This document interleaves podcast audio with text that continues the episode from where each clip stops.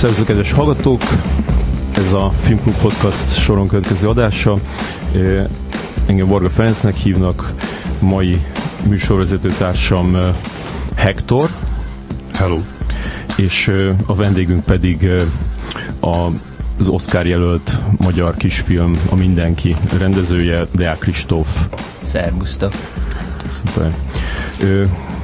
Kristóf, kezdjük onnan, hogy, hogy most most a héten, vagyis pontosan hétfőn már kint jártál Los Angelesben, mert, mert akkor volt a, az Oscar jelölteknek a, a, a hagyományos ebédje, ahol mindenki megjelenik, aki akit jelöltek valamire, azt hiszem, hogy most valami 165-en voltak ott, és akkor ott megebédeltek, kicsit beszélgettek egymással, és, és utána pedig egyenként mindenkit kiszólítanak egy ilyen nagy állványzatra, ahol meg készül egy ilyen nagy csoportkép mindenkiről. Ez, ez igaz, ugye? Így van. Ez történt hétfőn, és most itt vagyok megint Budapesten. Mm. És miért nem, miért nem ment el Meryl Streep, az kiderült? Nem tudom, sajnos. Nem nagyon kérdeztem utána. Sajnáltam, hogy nem láthattam személyesen, de talán még lesz rá alkalom. És kaptál már valami hivatalos papírt a, a jelölésről? Vagy az majd ott az Oscar előtt lesz az a, lesz egy másik esemény? Nem, ott, ott hétfőn az ebéd után kaptunk egy hatalmas üveg oszkáros pesgőt, és egy oklevelet aranypecséttel, amin ilyen gyönyörű kalligrafikus írással van fönn az, hogy én és az Udvardi Anna a filmproducere Oscar jelöltek vagyunk hivatalosan. Tehát ez a ez az kis A4-es, vagy nem, nem, biztos nem A4-es, mert Amerikában nem A4-es a szabványméret, de szóval ez a papírlap az, ami most ami most majd be lesz keretezve és felkerül a, az iroda falára. Ja.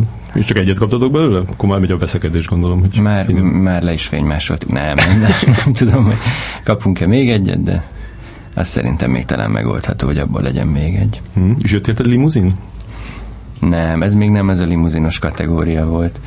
Az majd a nagy estén lesz, 26-án. Most egy barát, családi barát ismerős, akinél megszálltam, ő volt az, aki elvitt kedvesen a saját autójával. Ami se nem volt fekete, se nem volt limuzin, de nagyon kellemes volt.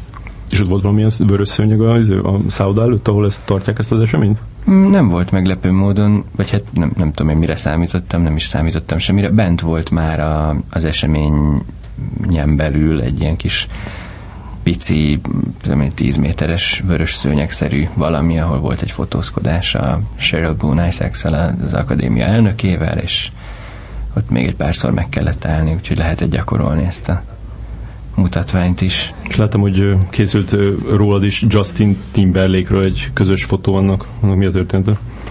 Ja, az már az ebéd után volt a, a, PRS sajtós hölgyel, aki szervezi most a filmnek a kampányát, ott kóvályogtunk kint, és mondta, hogy akkor egy pár selfie csattintsunk együtt ott az Oscar szobrocskás háttér előtt, és éppen Justin Timberlake is úgy gondolta, hogy ő is akkor szelfizik egy párat ott, és ha már ott állt mellettem szelfizve, akkor megkértem, hogy legyen kedves beállni és szelfizni egyet közösen, úgyhogy ennyi a sztori. De nagyon furcsa és szürreális érzés az, amikor egy ilyen nemzetközi szupersztár ugyanúgy jelölt, mint én, és, és azzal kezdő, hogy gratulál nekem, hogy tehát gratulál a jelöléshez, és akkor én is mondom, hogy gratulálok az ő jelöléséhez, és aztán tehát ez, ez egy fantasztikus esemény ilyen szempontból, hogy ott van ez a sok ikonikus, hihetetlen ember, akik közül van, aki itt már húsz éve nagyon tisztelek, és nézem mindig a filmjeit, mint Nicole Kidman vagy Jeff Bridges, és akkor ott áll velük az ember egy pódiumon, és, és ugyanolyan jelölt, mint ők. És Justin Timberlake ugyanúgy el, először jelölt, mint ő.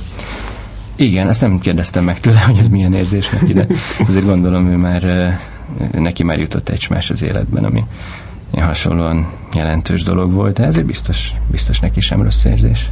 És ezen az eseményen mindenki kap egy ilyen, egy ilyen névjegykártya-szerűt, amit így kirak a, a zakójára vagy a ruhájára, amire rá van írva, hogy hogy hívják, milyen kategóriába jelölt, és, és mi a filmének a címe, hogy az nem tudja, mindenki ezt így megnézte, amikor így oda keveredett hozzád? Igen, hát ez az egyetlen segítség, hogyha nem nincs az embernek világszerte ismert arca, mint a jelöltek egy része esetében, akkor, akkor le lehet pillantani erre a kis névjegyre, és rögtön lehet tudni, hogy az illető kicsoda. Úgyhogy ez jól jött egy párszor a vacsora során, vagy az ebéd során, bocsánat. Mindig vacsorát mondok, mert akkor már nagyon késő volt a biológiai órám szerint, hiszen csak egy nappal előbb érkeztem Los Angelesbe, és dél körül jártunk, de itt már este kilenc volt, úgyhogy olyan vacsora érzésem volt végig. Mm. És a Justin Timberlake mondta, hogy jé, engem is a Sing című filmé jelöltek, mint téged. Nem, mert őt a Trolls ah. című De majdnem. Jó. De egyébként érdekes, ez a, volt egy filmfesztivál, egy gyerekfilmfesztivál Sárgyában, ahol jártunk a filmmel, és uh, ott a, a, a Trollsnak a helyi bemutatója volt, troll, Trollok, bocsánat, mindig angolul mondom a filmcímeket, ezért elnézést kérek, de uh, tehát a, a Trollok bemutatója volt ott, és lement a film, hát nem hagyott nagyon mély nyomot azért, de jó pofa volt, vicces volt, Viszont az a dal, amiért jelölték a Justin Timberlake-et, az ilyen teljesen elképesztően kitörölhetetlen, tehát azért azt még úgy szerintem napokig utána dúdoltuk, mert ilyen nagyon fülbe mászó. Igen, igen, szóval a lányom is mindig énekli, pedig csak az előzetes látták a filmet, azt nem. És, és kik látták a, a mindenkit, a, akikkel ott találkoztál? Mondtál egyet, a, azt hiszem a, a az Aladdinnak a, az egyik rendezője, ő látta a filmet? Hát igen, az volt az, amitől teljesen lepadlóztam és elolvattam, hogy egy asztalon elültünk John Maskerrel, aki nekem nem esett le először, hogy kicsoda, ő, ő az egyik rendezője az Aladdinnak, tehát a John Masker és Ron Clementsből, akik az Aladdint rendezték, ő az egyik, és én nekem az Aladdin az egy ilyen óriási, tehát a kedvenc Disney rajzfilmem az, az teljesen biztos, de de még annál is nagyobb jelentősége van. Nagyon sokszor láttam, nagyon szeretem a ritmusát, nagyon szeretem a szemtelenségét. Egyébként a magyar szinkronja is elég zseniális lett. Az nekem egy nagyon fontos film, ami furcsa lehet egy filmes szájából, hogy egy ilyen Disney rajzfilm ennyire fontos, de nagyon sok dolog nagyon pontosan és nagyon jól ki van találva abban a filmben, és amikor oda jön a John Musker, és elkezd beszélgetni velem, és azzal kezd, hogy ő látta mind a tíz jelölt kis filmet, és a, a mindenki tetszett neki a legjobban, akkor azért úgy megilletődik az ember. Úgyhogy ez, ez, ez volt talán az egyik legnagyobb dolog, amire biztos, hogy mindig emlékezni fogok, hogy, hogy ő, ő ezzel jött oda hozzám, és csak ezután esett le nekem, hogy ez, a, ez az ember, aki ginis nyakkendőt visel, ez egyébként nagyon elegáns öltönyéhez, ez nem más, mint az Aladdin egyik rendezője. És ő most, ő, őt most miért jelölték? A... Van ez a, az új Polinéziában játszódó Disney rajzfilm, aminek Igen. magyarul más a címe, mint angolul. Ja, Vajana. Magyarul Vajana. Vajana? Igen. Vajana. Igen. Angolul Moana. E, nem tudom, mi az oka ennek a különbségnek, de... Az az oka, mert, mert, a, mert a, a Moana ö, szóra van egy, egy, egy copyright Európában, az oh. valami, izé, valami mm, milyen, nem tudom micsoda, valami kozmetikai termék, ah. de ráadásul ilyen tök ilyen szerintem egy ilyen ismert termék, hanem csak így valami, hát de, de, de, be, volt, be volt jegyezve, és akkor sok országban ezért kellett. Aha. Olaszországban meg azért, mert, mert van egy nagyon híres Moana nevű pornószínésznő ügyük, és akkor nem akarták, hogy, hogy azzal összekeverjék. Jó tudni. Szóval ő most ezt rendezte, és nagyon kíváncsi vagyok, meg szeretném nézni, mert a Herkules kishableány, stb. rendezője, az biztos még így pár évvel ezután, azok, azok után a filmek után sem adott ki vacakot a kezéből. Úgyhogy... Ja, én látom, az nagyon jó. Nekem nem hmm. tetszett Majdnem. És kik kerültél még, kik voltak még ott az asztalnál veled? Tőlem balra ült Bill Mechanic, aki a fú, mi a magyar címe? Hacksaw Ridge-nek segít. A fegyvertelen katona. Fegyvertelen katona, igen. Producere volt, úgyhogy vele elég sokat beszélgettem.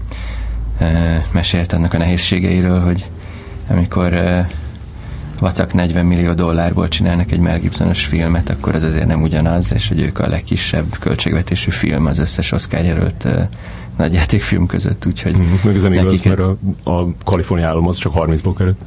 Ja, uh-huh, igen. Uh-huh. Na, ezt se tudtam, látod. meg hát az, az másfélbe került a holdfény.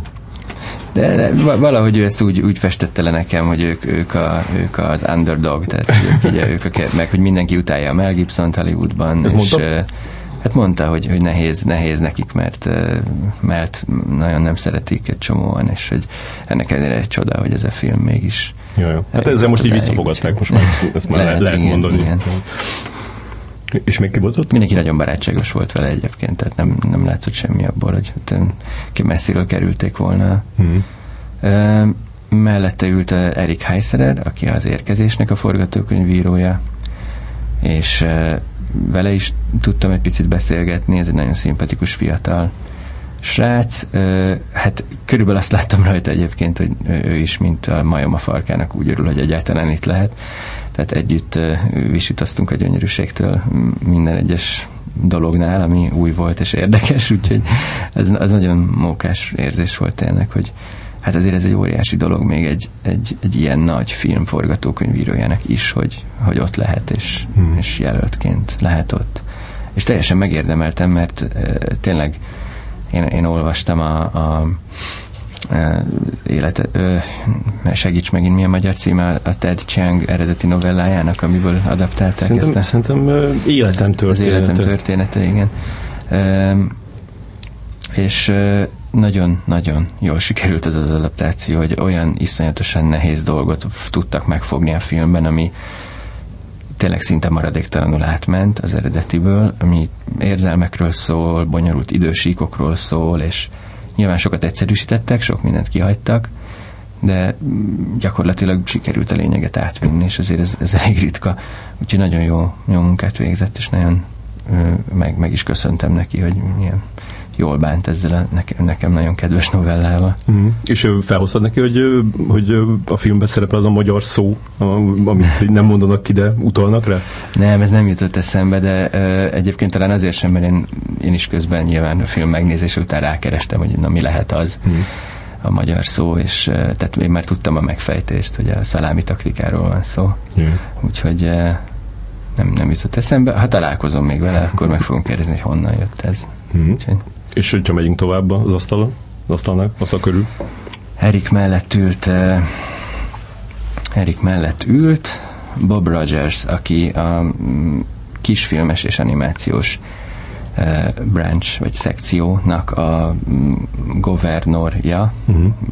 elnézést a sok angol szó, de tényleg nem tudom, tehát a kormányzója? Nem, ezt nem mondanám, hát, hogy kormány, mindegy, a szekció vezetője, vagy a kollégium vezetője hm. az akadémián belül.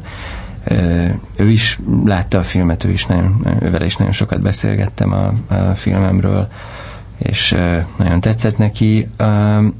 Aztán mellette ült John Musker, akiről már beszéltünk, mm. aki a, most a Vajanával jelölt, és, mm, és itt már körbe is értünk majdnem az asztalon, mert egy valaki volt még hátra, Bench Pesek, aki a, a kaliforniai államnak a dalszövegeit írta, aha, és ezért aha. jelölt, ugye két dal, két dal is jelölt a kaliforniai államból, úgyhogy. És úgy látod, hogy a, a, ezeket az asztalokat úgy állították össze, hogy, hogy mondjuk a, a, a sztárokat így szétszórták, vagy pedig azokat így egy, egy, egy helyre ültették? Tehát mondjuk a, furcsa, hogy ott volt a Mel Gibson producere veled, de nem volt ott a Mel Gibson. Tehát a Mel Gibson, az beültették valami? Nem, a, a mi asztalunknál valahogy egy ilyen óriási sztár sem ült. A szomszéd asztalnál ült a Matt Damon, másik szomszéd asztalnál a Ryan Gosling, és a harmadik szomszéd asztalnál meg a Nicole Kidman, úgyhogy nagyon közel volt mindenki, de a, a, nem is tudom, mi alapján osztották szét az embereket.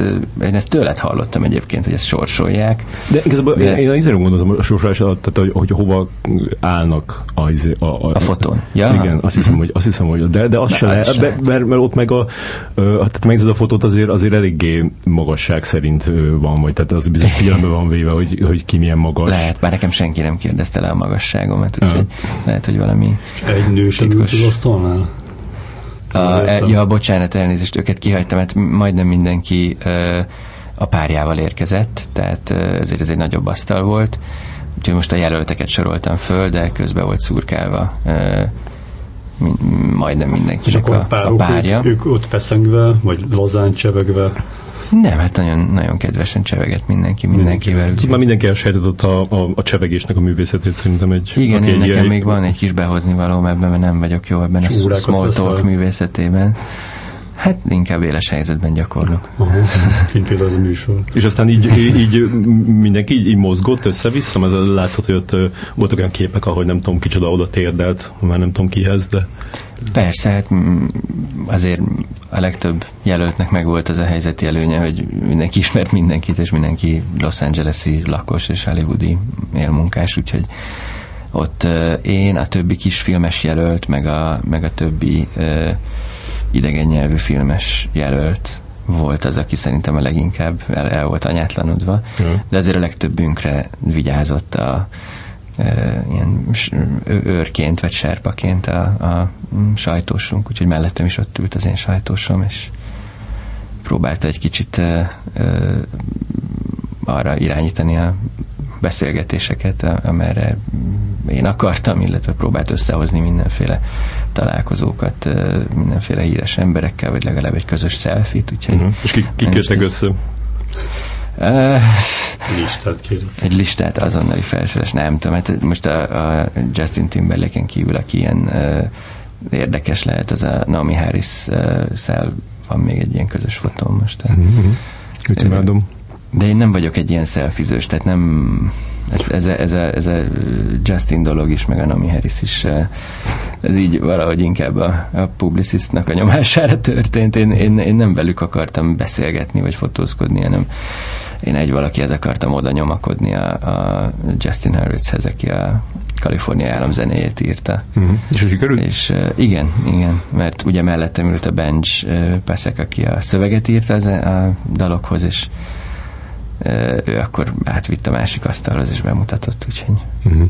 És mondtad neki, hogy, izé, hogy szuper volt?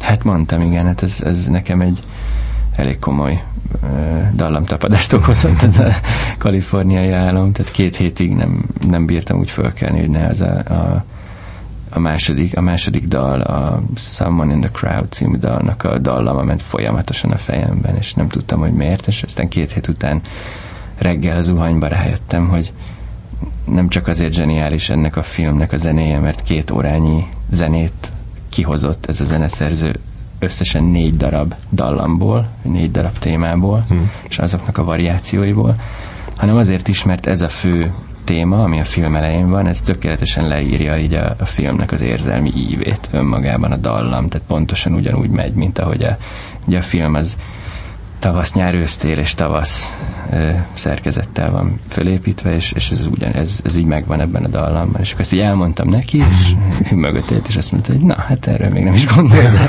örül neki. Úgyhogy... És más, azért voltak még ott olyan emberek, akikről azt gondolnám, hogy, hogy hogy régi álmod lehetett, hogy találkozz velük mondjuk egy Jeff Bridges, vagy egy, vagy egy Matt Damon, hogy azokat nem csörkészted be?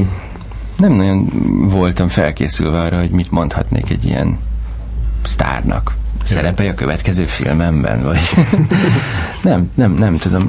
Az meg tényleg nem megy nekem, hogy ö, oda megyek, és mosolyogva kezet rázok, és elmondom, hogy én ki vagyok, és mi értelme van annak. Nem tudom, valahogy nem ez volt a lényeg. Yeah, Sokkal jobban szeretem azokat a beszélgetéseket, amiben egy kicsit jobban lehet ö, konnektálni valakivel, és picit akár, tudom én, mélyebbre is menni, mint az, hogy hello, hogy vagy. Ja. Ez nem ilyen kelet-európai rossz beidegződés? De kelet-európai, de nem biztos, hogy rossz.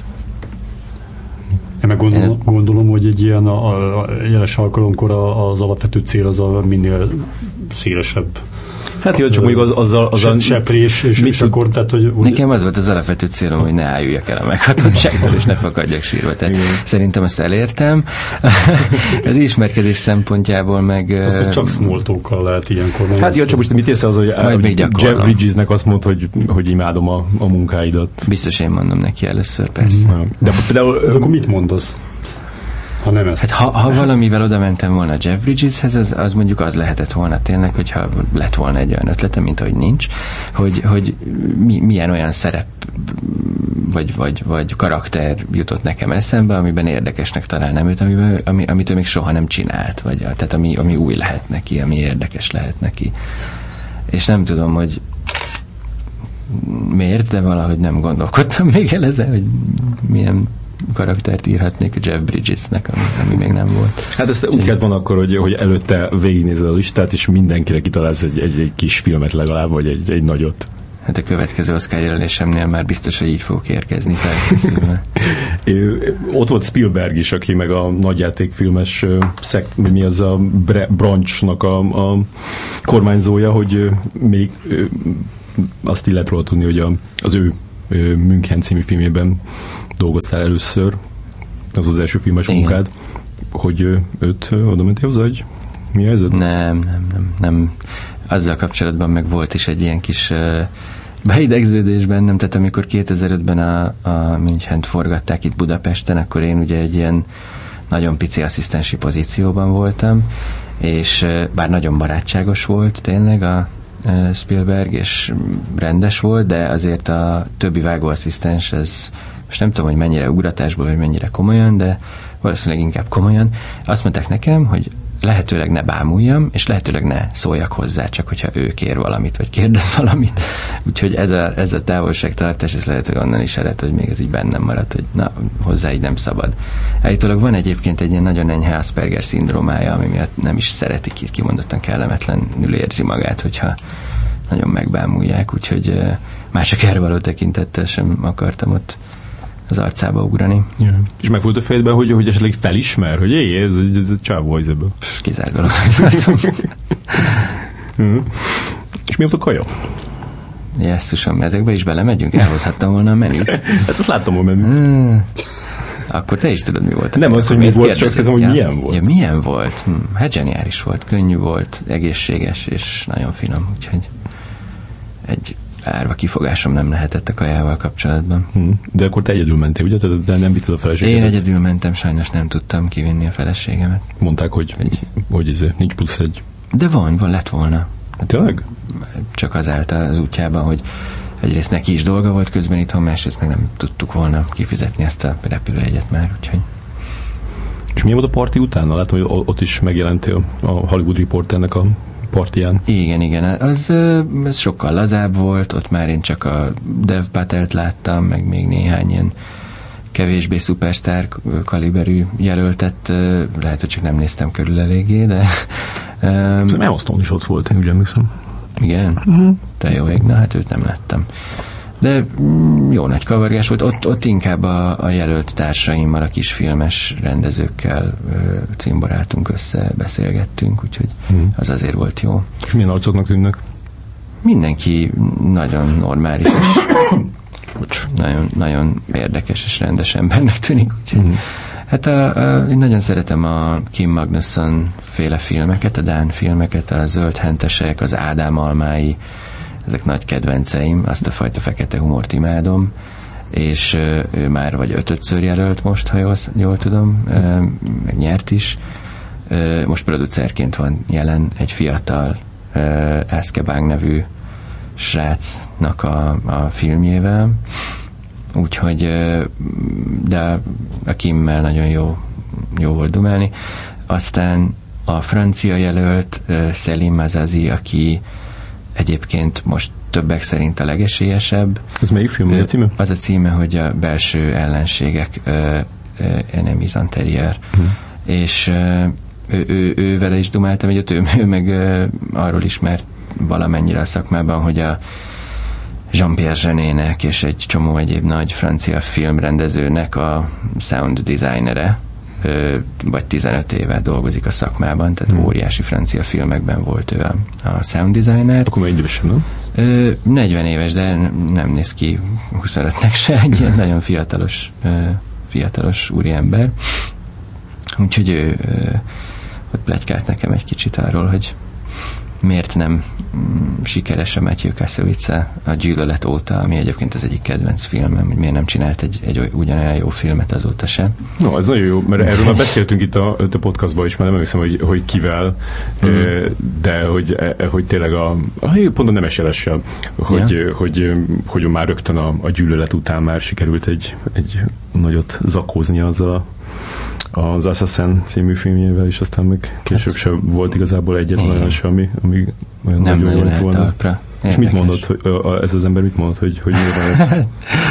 nem tudom, ez mennyire nyilvános, de hát nagyon szereti a, az indiai vatkender származékokat fogyasztani, hmm. és egy eléggé, eléggé szétesett figuraként festette le nekem ez a kollega. A, Ugye most ezt a Babylon micsoda? Ba- Babylon AD. Babylon AD, igen, című filmet csinálta legutóbb, ami ráadásul egy nagyon nagy költségvetésű, ilyen posztapokaliptikus, elég, elég mm, nagy film Igen. volt, tehát azt mondta, hogy ez, ez, az biztos, hogy a Matthew nem egy olyan figura most, aki egy ilyen produkciót össze tud fogni, mert egyszerűen nem. Tehát ő szeret a barátaival lógni, meg tudom én ökörködni, meg ilyesmi, és egyszer valahogy karrierje elején írt egy jó forgatókönyvet, és körülvette magát nagyon tehetséges emberekkel, és valahogy minden a helyére került a, a gyűlöletben, de azóta ezt nem tudta megismételni, mert túlságosan szét van esve. Aha. Um, és úgy csináltam még kint Hát ez alatt a másfél nap alatt, ki voltam. Megnéztem a Super Bowl-t például, ami uh-huh. önmagában egy élmény volt, ezt Amerikában átélni, soha nem érdekelt az amerikai foci, mert nem is nagyon értettem, hogy miről szól, meg mik a szabályok. Úgyhogy most sikerült egy délután alatt ezt nem mondom, hogy megtanulni, de legalább alapvető szinten felfogni, hogy mit is csinálnak ott, és hát egy nagyon izgalmas meccs volt a végén, mert óriásit fordítottak a... a ja. De azt tévében nézted, vagy? A, vagy tévében persze, ja. ne, hát nem, nem, én nem élőben. tévében igen, de hát az is egy ilyen, egy ilyen összamerikai szertartás ugye minden évben, úgyhogy... Mm. De legalább kimentél egy ilyen sportbárba, vagy pedig otthon nem, nyomtad egyedül a szállószobában? Nem, a vendéglátónál néztük egy... Ah, egy hát legalább volt egy, ilyen, volt egy ilyen társaság. Ez jó, jó pofa volt, igen, igen. Úgyhogy az érdekes volt, ez, ez, ez valahogy így jön ki, hogy én nagyon sokáig nem jártam Amerikában, és először most novemberben a kisfilmem miatt mentem el Chicagóba és New Yorkba, és valahogy úgy alakult, hogy Chicagóban megérkeztem, mikor is november, nem akarok butaságot mondani, negyedikén talán, és ugye november 8-án mentem tovább New Yorkba. Tehát utolsó Chicagói estémen ö, átéltem azt, ahogy mindenki döbbenten nézte a képernyőket, hogy tényleg a Trump fog nyerni. Aztán 9-én hajnalban megérkeztem New Yorkba arra, hogy a Trump nyert, és ez tényleg, tényleg ez van, és New Yorkiak kezdték felfogni, hogy tényleg ez van, majd elkezdtek tüntetni is. Tehát, hogy Gondolom nekik még is... durvább volt ez, ez New Yorkban, tehát hogy a, a Trump, hát, akik, biztos, akik, akik persze, ismerik a hát Trumpot már nem tudom 30 éve. Igen, ez, ez, ez eléggé látszott, nagyon sokkos állapotban volt mindenki.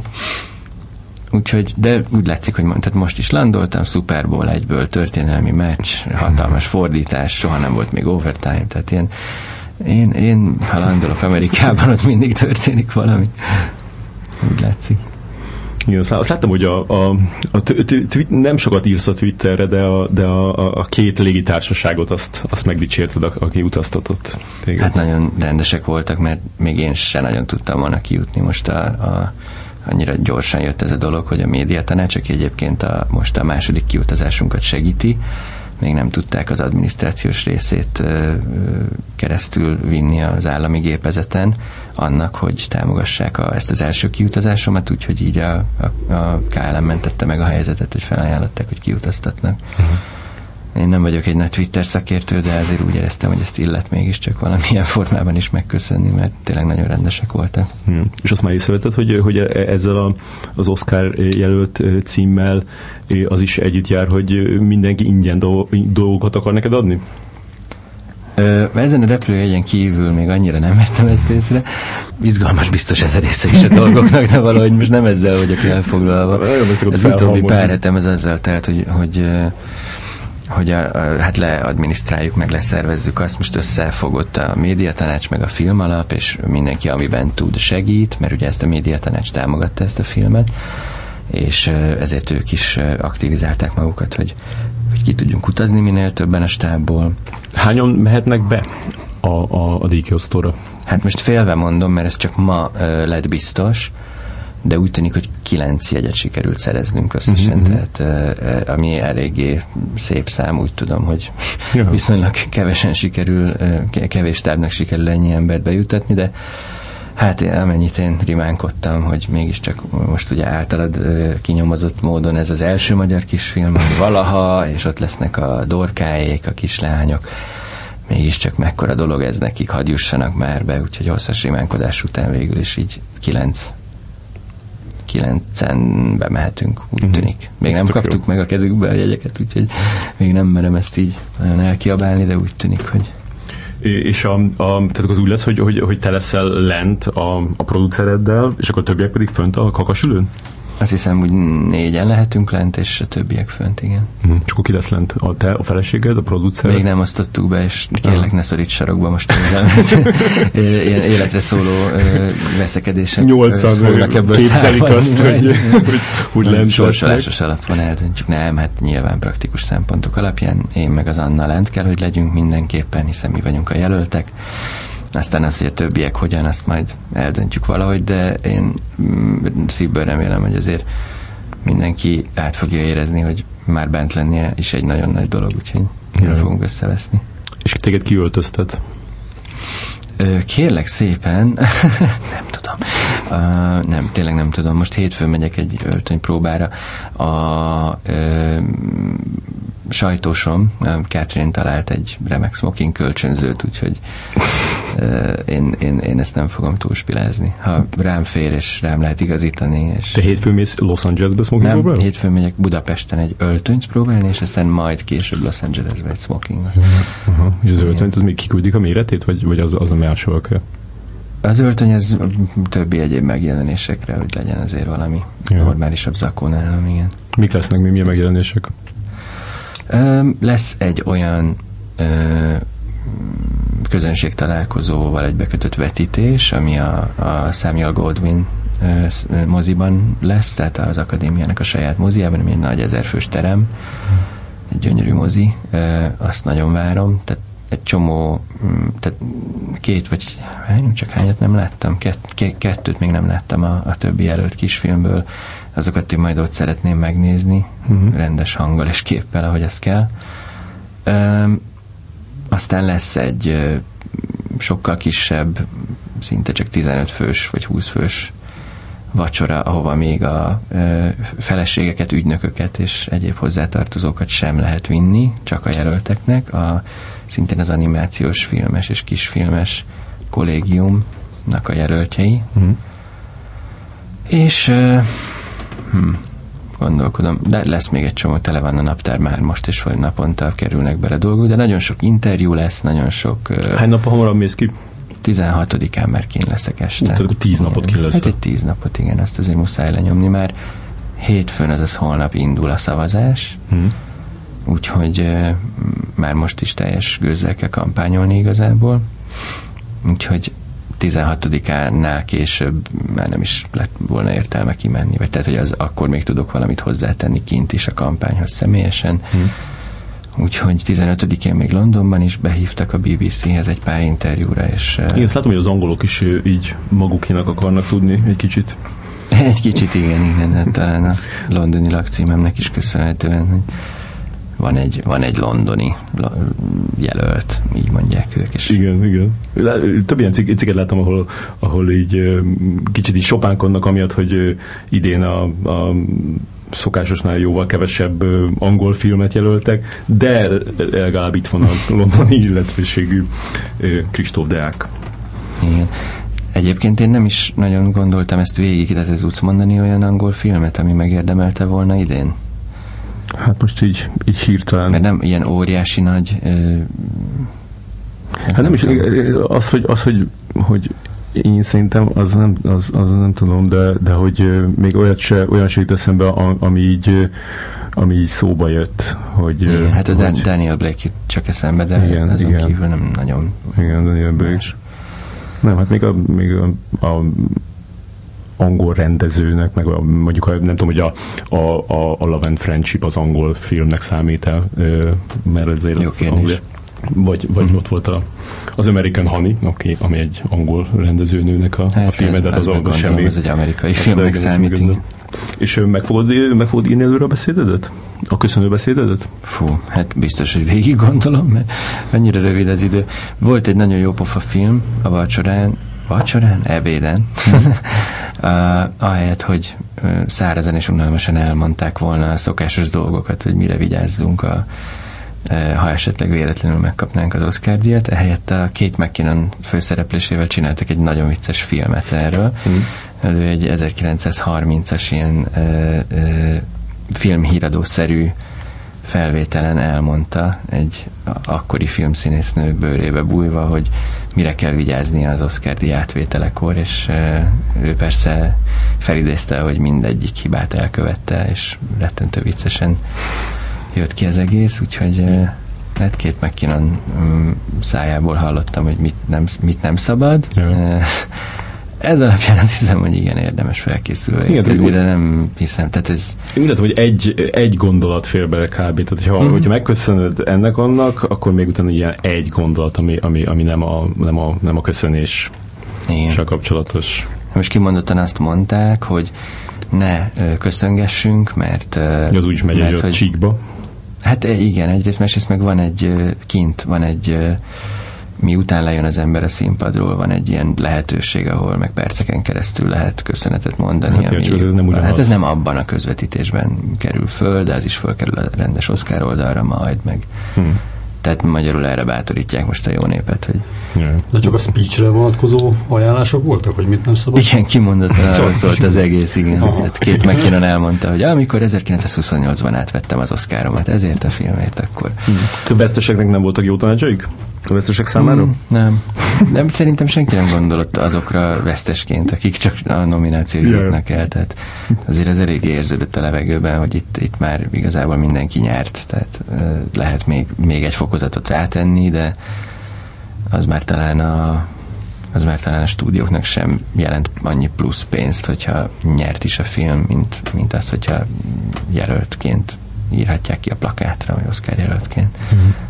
És ugye még elképzeled, hogy, hogy ki kell menni, és nagyon sok ilyen híres színész előtt beszélni, amit ráadásul még így egy milliárdan néznek a, a világon, akkor, akkor így, így kicsit így parázol? Jobb ezekre nem gondolni, kösz, hogy emlékeztettél. Ö, nem tudom, sose voltam ebben olyan nagyon jó, de majd, ahogy hozza a pillanat, nem tudom, tényleg. Nem, nem, nem, tűnsz olyan, nem tűnsz olyan parás arcnak. Igen, elég nyugodt tudok maradni, de azért az utolsó pillanatokban mindig áttöri a nyugalmam falát az óriási nagy para. Tehát azért hát amilyen hasonló helyzet volt talán, az a Tokiói Short Shorts Fesztiválon ott csináltak egy olyan díjkiosztót, ami teljesen arra volt kihegyezve, hogy a lehető legjobban hasonlítson az Oszkára, tehát ott, ott sem árulták el abszolút, hogy ki fog nyerni. Nagy körítés, nagy óriási moziteremben, zenés, fényes, színes, szagos, stb. És hát ott, ott, ott rendesen megdöbbentem, mert tényleg nem úgy mentem oda, hogy ott mi fogunk nyerni. Mm. Úgyhogy az a, az a sok hatás az már megvan, és gondolom ez meg annak a tízszerese lenne, hogyha eljutnánk odáig, úgyhogy fú!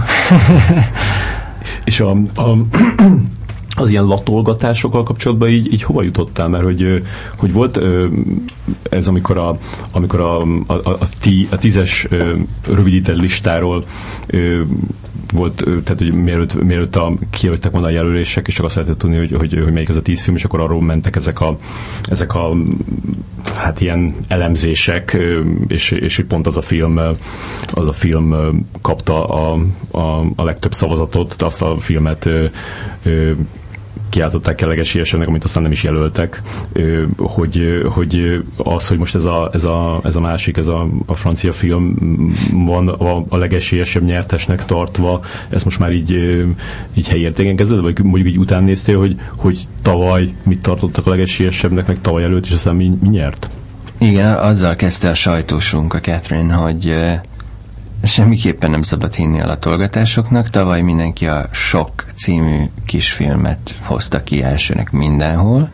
Halálbiztos volt benne mindenki, hogy azt fog nyerni és aztán végül is a Ben Cleary-nek, az ír rendezőnek a Stutterer című kisfilmje nyert, és mindenki meg volt lepődve. Uh-huh. Catherine nem volt meglepődve, mert ő volt a, a publicisztja a Stutterernek, és uh-huh. nagyon keményen dolgoztak rajta, úgyhogy de tényleg nem lehet ezt tudni, tehát itt most azért több ezer ember szavaz. Hmm. Erre már mindenki szavaz. Ez, erre már mindenki, az összes akadémia tag szavaz. De csak az szavaz, aki, aki meg is nézi a filmet, vagy, vagy még azt se kell hozzá? Hát illendő megnézni, én úgy tudom. Mm-hmm. A, azt hiszem az online tenni. felületen, hogyha online nézik meg, uh, akkor csak akkor lehet szavazni, ha mindegyiket végignézted, de... Tényleg? Végig? Val- valami nem tudom pontosan, hogy hogy működik, mert nem, nem mm. tudok belépni ebbe a rendszerbe, sajnos lévén nem vagyok akadémia tag. Igen, Sor úgyhogy... orosz támogatást. Meghekkeljük? Nem is rossz ötlet. Tehát akkor meg fogjuk nézni Jeff Bridges is, Natalie Portman is, Meryl Streep is. Ha van idejük. Hm. De ha nincs. Akkor meg majd nem szavaznak, nem tudom. Uh-huh. Nem, tényleg nem tudom. Mi most csak azon tudunk dolgozni, hogy ha valaki esetleg úgy hozza meg a döntését, hogy gyorsan beírja a Google-be, és elolvas egy cikket, vagy egy valamilyen elemzést, akkor, akkor ott mondjuk jó helyen szerepeljünk. Mm. És a, a New York Times-nál is lejött most egy elég jó recenzió, nagyon yeah. rövid, de pár mondatos, meg a Chicago Sun-Times-nál is, az LA Times-nál is, tehát mindenhol olyan viszonylag jó helyen állunk, vagy első vagy második helyen hoznak ki minket a kritikusok, hogy tehát tetszik nekik a film. Most ez jelent valamit? Nem tudom, de tényleg a tavalyi teljes papírforma borulás után, meg ugye idén is ez a, a tízes listáról az ötösre teljesen borult a mindenkinek a jóslata. Én, én nem nagyon hiszek ezeknek a jóslatoknak. De ez nem. még jó ajánló levél, hogy a, a, a, a, sajt, a sajtósodnak, hogy, hogy ő az, aki a, a tavalyi nagy meglepetés győzelmet Igen. elérte. Igen, én, én azt gondolom, hogy látva azt, hogy hogyan dolgozik, biztos, hogy nagy szerepe volt abban, hogy mm. sikerült ezt a filmet ide jutatni, meg hát én azért is akartam nagyon vele dolgozni, mert ha más nem, ha mondjuk egy Oscar díj nem, de annyi legalább kijön ebből a jelöltségből, hogy tényleg megismerik kint többen azt, hogy én létezem, hogy csináltam egy ilyen filmet, és hogy ezt mondjuk most például három hétig lehet is látni a mozikban Amerikában, hmm. ha ez így több helyre eljut, akkor hát ez mindenkinek jó, és talán az én jövőbeni projektjeimhez is fel lehet majd használni szerezni ö, támogatást erre-arra. Tehát, hogy, hogy az jó, hogyha ennek angol nyelven kint megy a híre. Hmm. És ez már önmagában is egy érték, ami, ami a jövőben nagyon hasznos lesz a díjtól függetlenül. Hmm.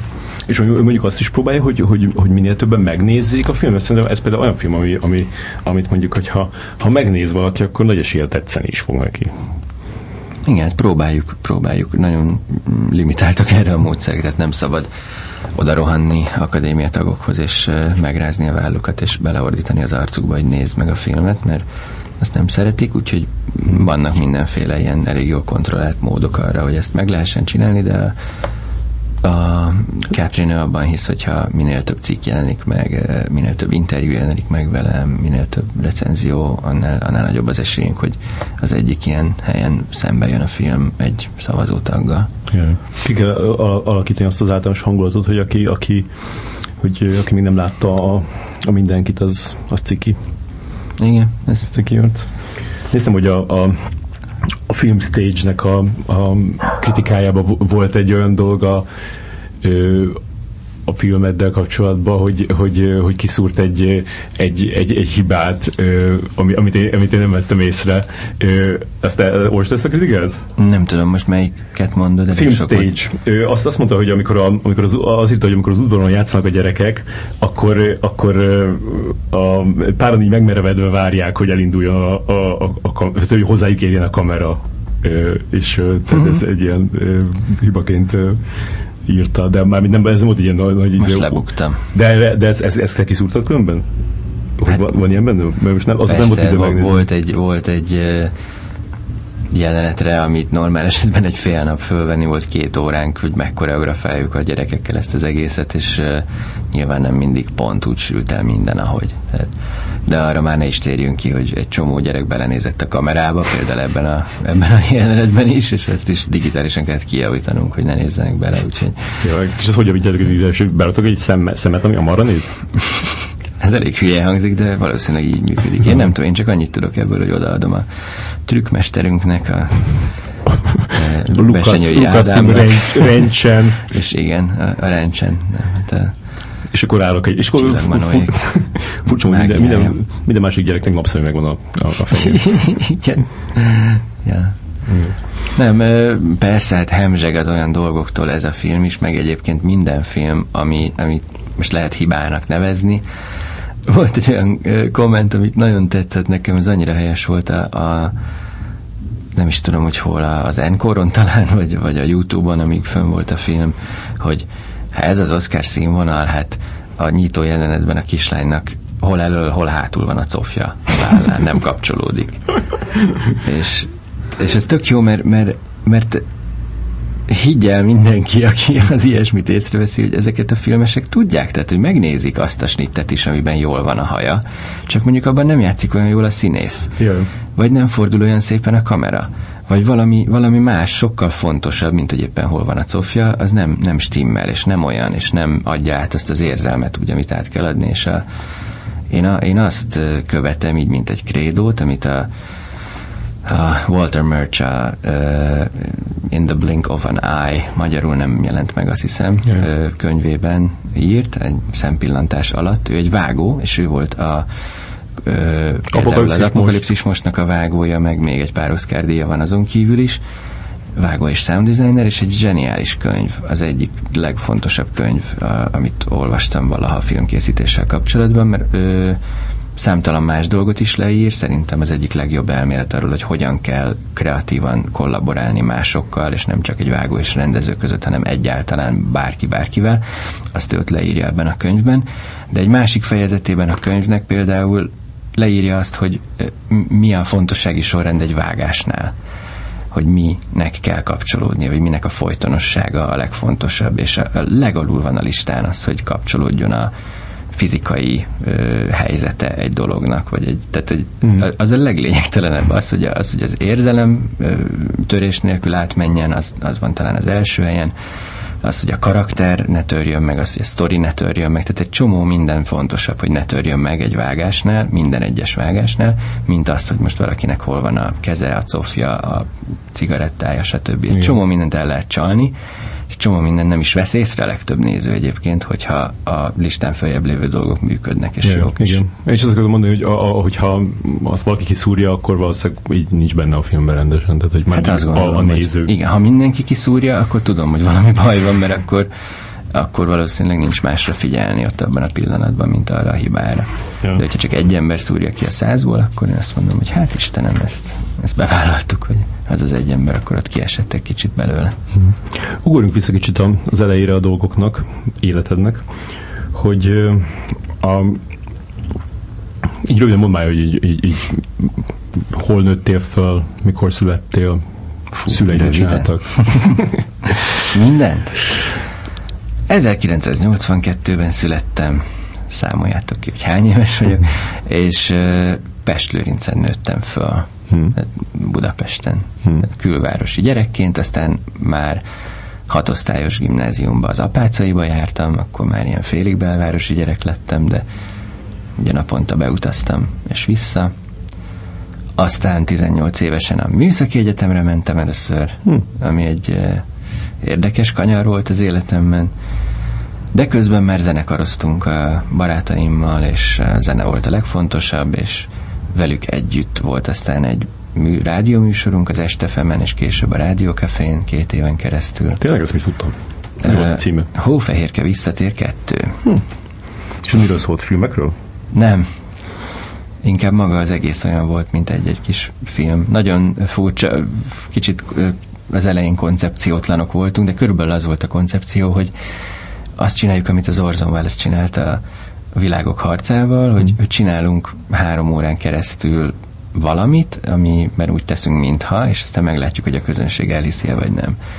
És akkor nagyon sok diák színjátszós színész haverunk volt, és mindig behívtuk őket különböző szerepekre, és teljes marhaságokat, ilyen szürreális baromságokat találtunk, és azokat valósítottuk meg két-három órában, és akkor be lehetett telefonálni, ugye, mert arról szólt az egész estefem, hogy interaktivitás, és a betelefonálók fele mondjuk teljesen elhitte, hogy ez igaz, hmm. de a legképtelenebb dolgokat, tehát tényleg a, most ami mindig eszembe hogy a kétfejű gyerek anyja, éppen, éppen, éppen terhes egy hölgy egy kétfejű gyerekkel, és ő meg akarja tartani, de a férje nem, és akkor erről polemizáltunk. És ott van bent a feleség, meg a férj? És ott vannak benne két színész, akik ezeket hmm. alakítják, és volt, aki teljesen elhitte, és magyarázta nekünk, hogy de hát ez, ez, ez, ez borzasztó, ezt nem lehet megtartani, ezt a gyereket. És akkor volt, aki meg tudta, hogy játszunk, és velünk játszott, és betelefonált, hogy hát nagyon egyszerű, majd a gyerek egy az egyik fejére húzzon egy üres, egy tévének az üres dobozát, a szedje, képcsövet szedje ki, és akkor viszi a vállán a tévét, és úgy fog kinézni, mintha a másik fej a tévében lenne, és akkor semmi gond. Tehát, hogy ilyen, tehát ilyen szintű.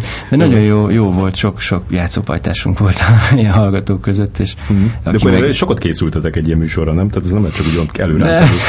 nagyon sokszor esetleges volt, sokszor meg olyan szinten fölkészültünk, hogy volt olyan, hogy azt mondtuk, hogy ellopták a parádén a kamionunkat, mert hogy mi is indítottunk egy külön kamiont, tudod, a, ja. Budapest parádén, csak sajnos útközben eltérítették, és nyomoztunk két órán keresztül, és a végére egy komplett kommandós akciót hangjátékban megcsináltunk, hogy visszafoglaljuk a kamionunkat. Uh-huh. Tehát volt, hogy ennyire fölkészültünk, de olyan is volt, hogy csak mm, tudom én, fél órával vagy egy órával előtte találtuk ki, hogy pontosan mit fogunk csinálni. Uh-huh egy nagy és nagyon szerethető és nagyon furcsa káosz volt az egész, mint egyébként az estefem is, de mm. jó de volt. És akkor velük ez, ez a két cimborám, akivel csináltuk a dolgot, a Brian Andris és a Faragó Dani, ők aztán felvételt nyertek a filmművészetire. Uh-huh. És ott volt az, hogy én, amikor ők elkezdtek hívogatni vizsgafilmekbe, asszisztálni, segíteni, meg ilyesmi, akkor, akkor szorult be nekem azt, hogy hát ez, ez zseniális, ezt nekem is ide kell járnom, mit keresek én a műszaki egyetemen. Uh-huh. És mennyit jártam műszakira? Hány évet? Hát volt egy párhuzamos időszak is, amikor próbáltam a kettőt egyszerre, két, két lavat megülni, de azt ugye nem nagyon lehet, úgyhogy összesen mennyit, két és fél évet, vagy majd majdnem hármat jártam a műszakira, de hát nem volt meg az összes kreditem már a végén. És felvettek a, a, a filmművészetire is? Közben? Közben felvettek a filmművészetire, először rendezőszakra felvételiztem Nagybátran, aztán ott első körbe kipenderítettek, fogalmam se volt semmire, hmm. és uh, aztán átgondoltam az életem, és indult egy gyártásvezető szak, és oda felvételiztem a Hutlassa Tamás osztályába, hmm mert azt gondoltam, hogy igazából nekem most bármi jó, mert fogalmam nincs a filmezésről, ezt nekem ki kell tanulnom valahogy, valahogy el kell kezdeni, és majd egyszer lehet, hogy talán rendezni is fogok, de a lényeg az, hogy ott legyek a közelben, hogy lássam, hogy ez hogy zajlik, és akkor gyártásvezető az jó, az ilyen a műszaki tudásommal is kicsit stimmel, meg azért van egy ilyen pragmatikusság bennem, hogy akkor ez biztos, ez biztos jó lesz, gondoltam én, és jó is volt egyébként, nagyon érdekes osztályunk volt, összeraktak minket egy csomó vágóval, közülük a Csillagmanó például, aki vágta mindenkit is, mm. de később ilyen nagy mesterem lett abból az osztályból a Kovács Zoltán is, aki meg más nagy magyar nagyjátékfilmeknek a vágója. Yeah. Meg ott volt még a e, Szacsa Szalai Károly, aki meg most az enyedi filmet e, vágta, ami mm. most van Berlinben. Mm tehát ilyen szuper figurákkal voltam ott körülvéve, és, és nagyon érdekes volt. Hát nyilván... hogy te gyártásvezetőnek tanultál, és ott volt ez a csomó vágóval, és aztán pedig is vágóként dolgoztál.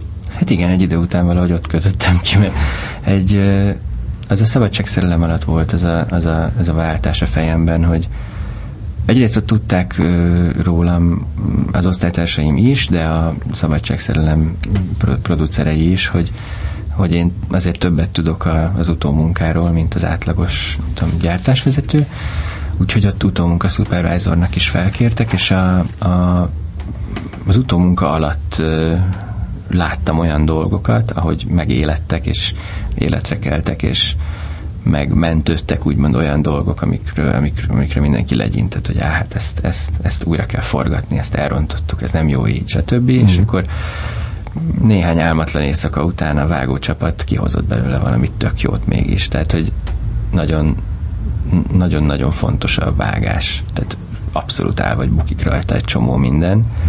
Mondtam én akkor ott magamnak, és akkor azt gondoltam, hogy erről nem tudok még eleget, és muszáj, muszáj, muszáj többet tudnom róla, ezt muszáj megtanulnom, hogy ezt hogy kell rendesen csinálni.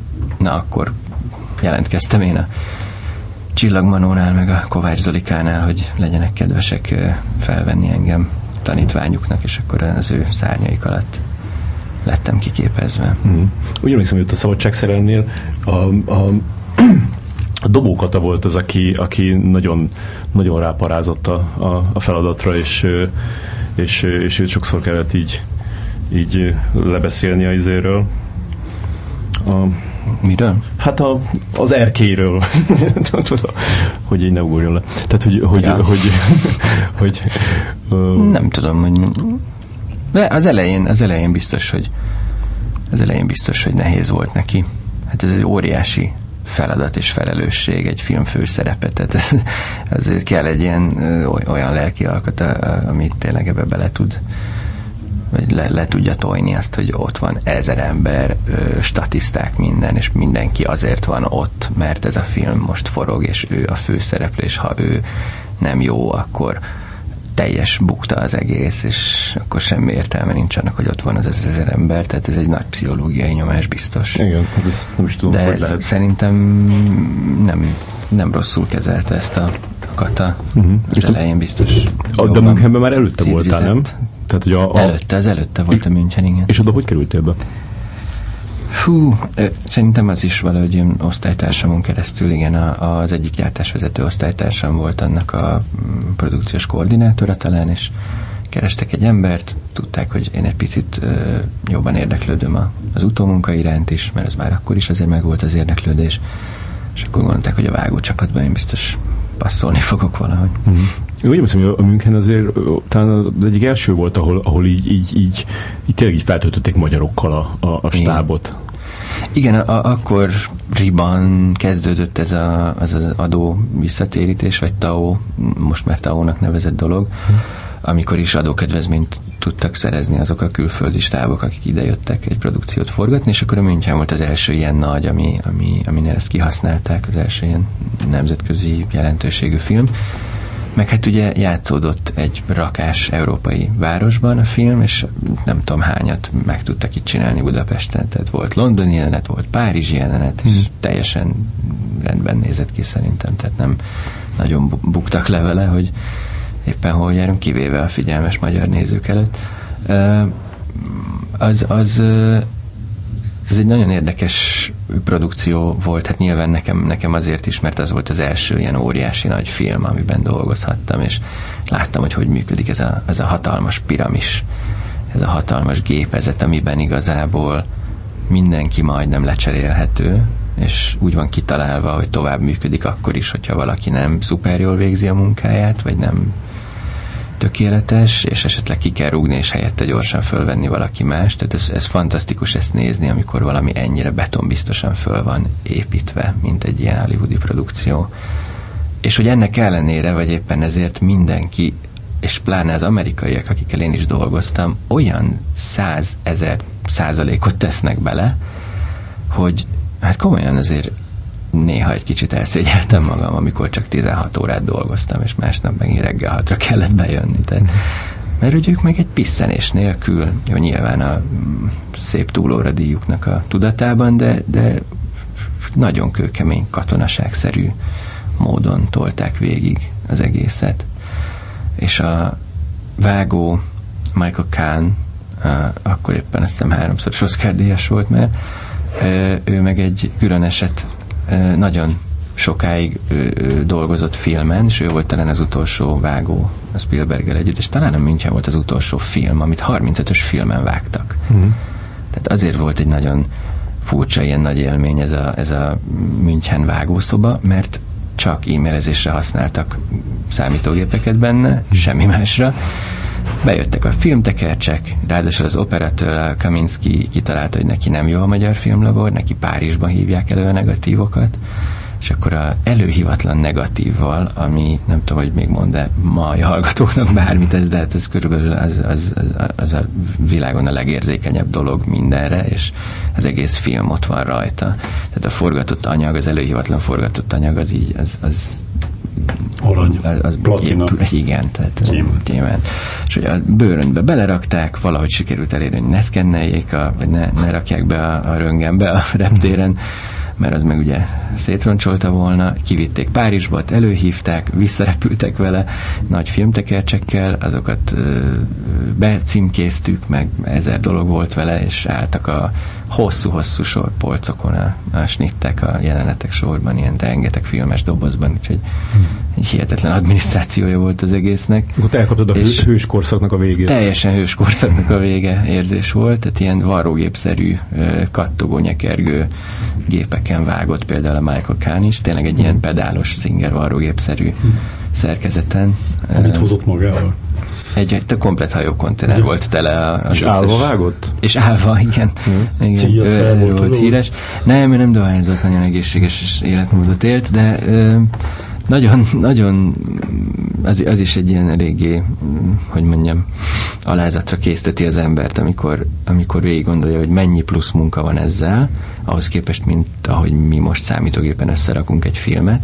Ehhez képest a Michael Kahn kész volt az első vágottal két nappal az utolsó forgatási nap után. Hmm. Tehát össze volt rakva a film. Tehát ő olyan sebességgel haladt, ahogy a film forgott. Ja. Nyomta a varrógépet, az öreg nem, nem ragasztotta össze a snitteket, csak egy gémkapocsal összetűzte, de jó helyen voltak elvágva, úgyhogy az asszisztensek szépen összeragasztották, és De ez, ez, Hihetetlen. ez, ez nagyobb fokú előkészületet igényel nála, és ezért lett előbb kész, hogy egyszerűen Nem, hát annyira profi volt. tenge. Hát a, tényleg annyira profi, annyira a kisujjában van, annyira sokat csinálta ezt, és annyira jó volt a csapat mögötte, mert Ez, akkor úgy volt hat vágóasszisztens, én voltam a hetedik, hetedik vágóasszisztens kb. Vagy Hát meg az is azért hozzá kell tenni, hogy, hogy muszáj volt, hogy így legyen, hiszen ezt a filmet még augusztusban forgatták, és meg be volt jelentve a, a bemutató időpontja, azt hiszem novemberre, tehát ez, ez kb. így, így, így, így fél év Sőt, alatt bocsánat, tovább megyek, mert még októberben forgattak hozzá, Ja. és december 4-én a sajtó megnézte a készfilmet. Lekeverve, hanggal, befényelve, minden trükkel benne, mert ugye azért elég sok trükk, trükk is Igen. volt benne, tehát ez, ez a sebesség az, ami elkép. Egyébként szerintem egy picit talán a rovására is ment a, a filmnek, mert mm, én, én nagyon szeretem a Münchent, egy nagyon egyedi hangulatú és nagyon jól sikerült filmnek tartom, meg elég, elég fontos is, és jó a témája.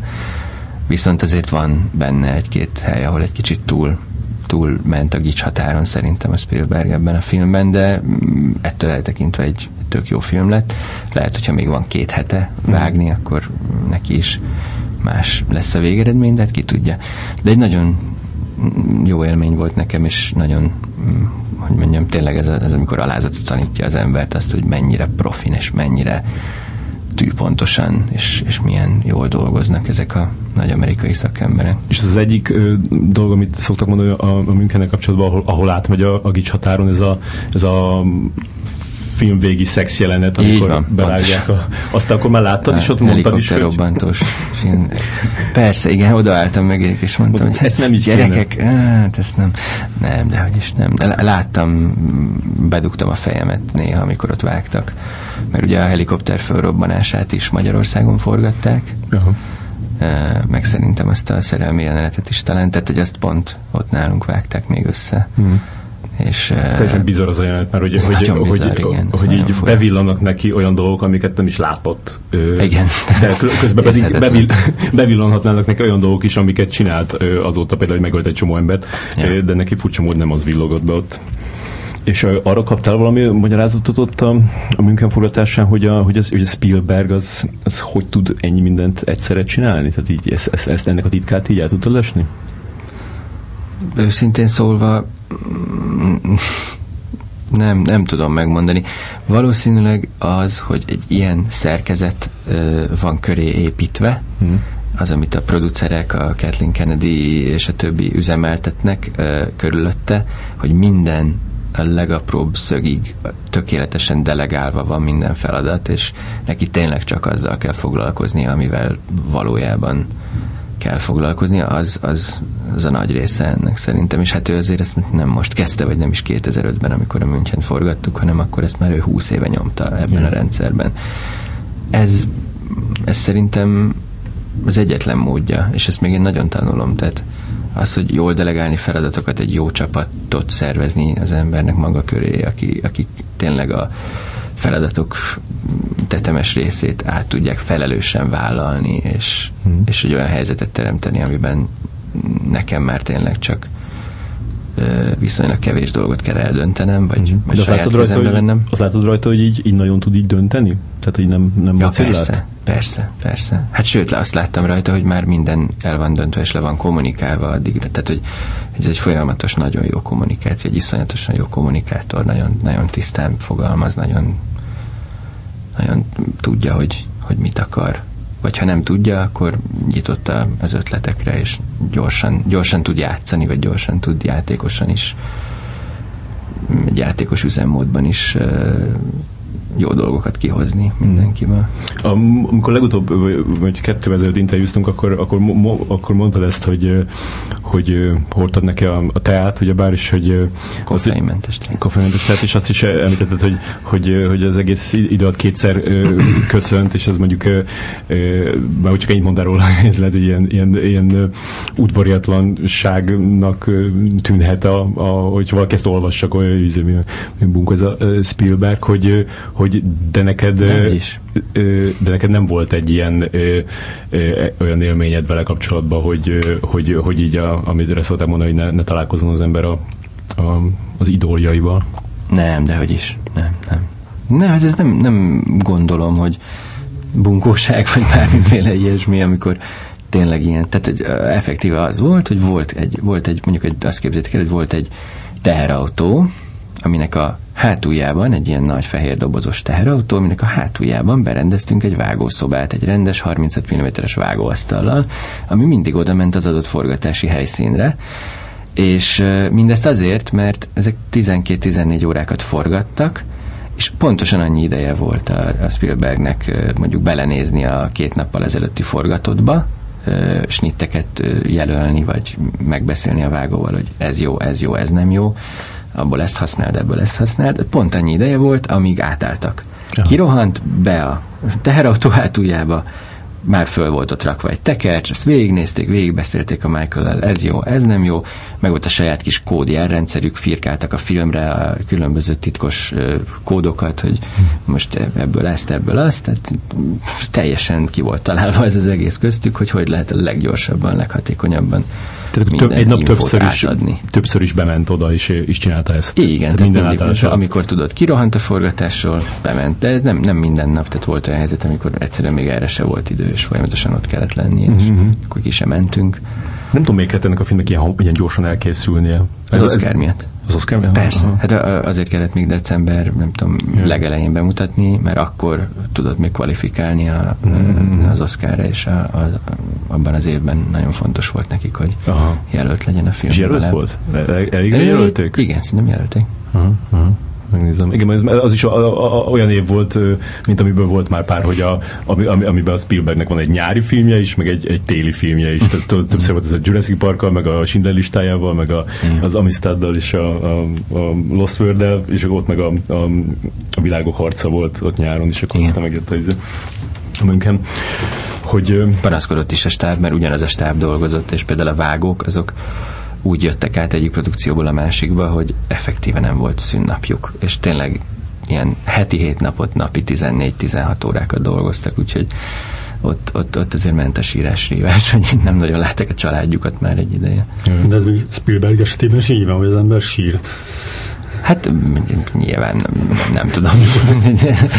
ők, És nem a boldogságtól, hogy ö, napi 24 órát Nekik már nem ez az első produkciójuk volt ja, vele, úgyhogy uh-huh. ott már voltak azért feszültségek is. De. Tehát akkor eljöhet az az idő, amikor az ember már nem feltétlenül. Hát ebben minden, névre. minden egy munka lesz elő, előbb-utóbb, tehát egy bármi. Persze, tehát a, hát én csillogó szemmel. Amikor a negyedik oszkárt veszed, veszed át, akkor az már akkor a flash. Ah, szerintem az még akkor is flash. Hmm. Lehet.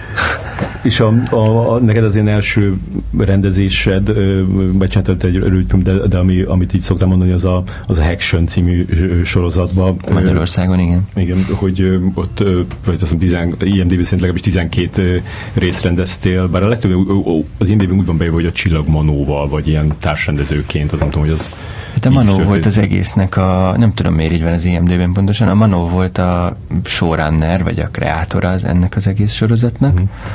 És ő effektíve nem volt ott, tehát ő nem rendezett konkrétan a setben, hanem ő, ő mindent átlátott, és az írástól kezdve mindenben, mindenben az ő szava volt az irányadó. Úgyhogy ő így volt ilyen vezetőrendezőként lett szerintem beírva, vagy úgy volt kiírva a stáblistán. És amikor oda kerültél, akkor nem érezted úgy, hogy, hogy ez egy kicsit korai még? Hát volt, volt egy pici félelmem, de nem, az pont, pont egy megfelelő méretű feladatnak tűnt, mert addigra már pár kisfilmen, meg pár dolgon azért túl voltam rendezőként, és uh, talán a tudom én, milyen nagy magyar sztárokkal való munka az volt az, ami ami újdonság volt, de maga tudom én, nagy stábbal dolgozni már dolgoztam, hanem is csak rendezőként, de tehát nem, nem volt olyan eleme ennek, ami, ami ilyen kontrollálhatatlanul nagynak tűn nekem.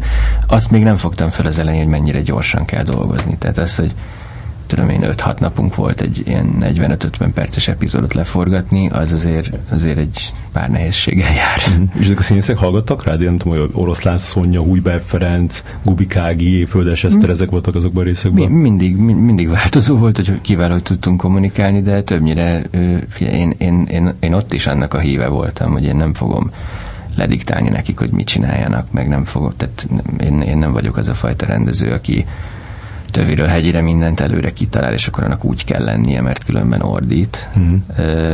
Én, én próbáltam kihozni belőlük is a legjobb ötleteket, meg a legjobb dolgokat. Volt, aki erre vevő volt, volt, aki ezen először meghökkent, és nem értette. Mm.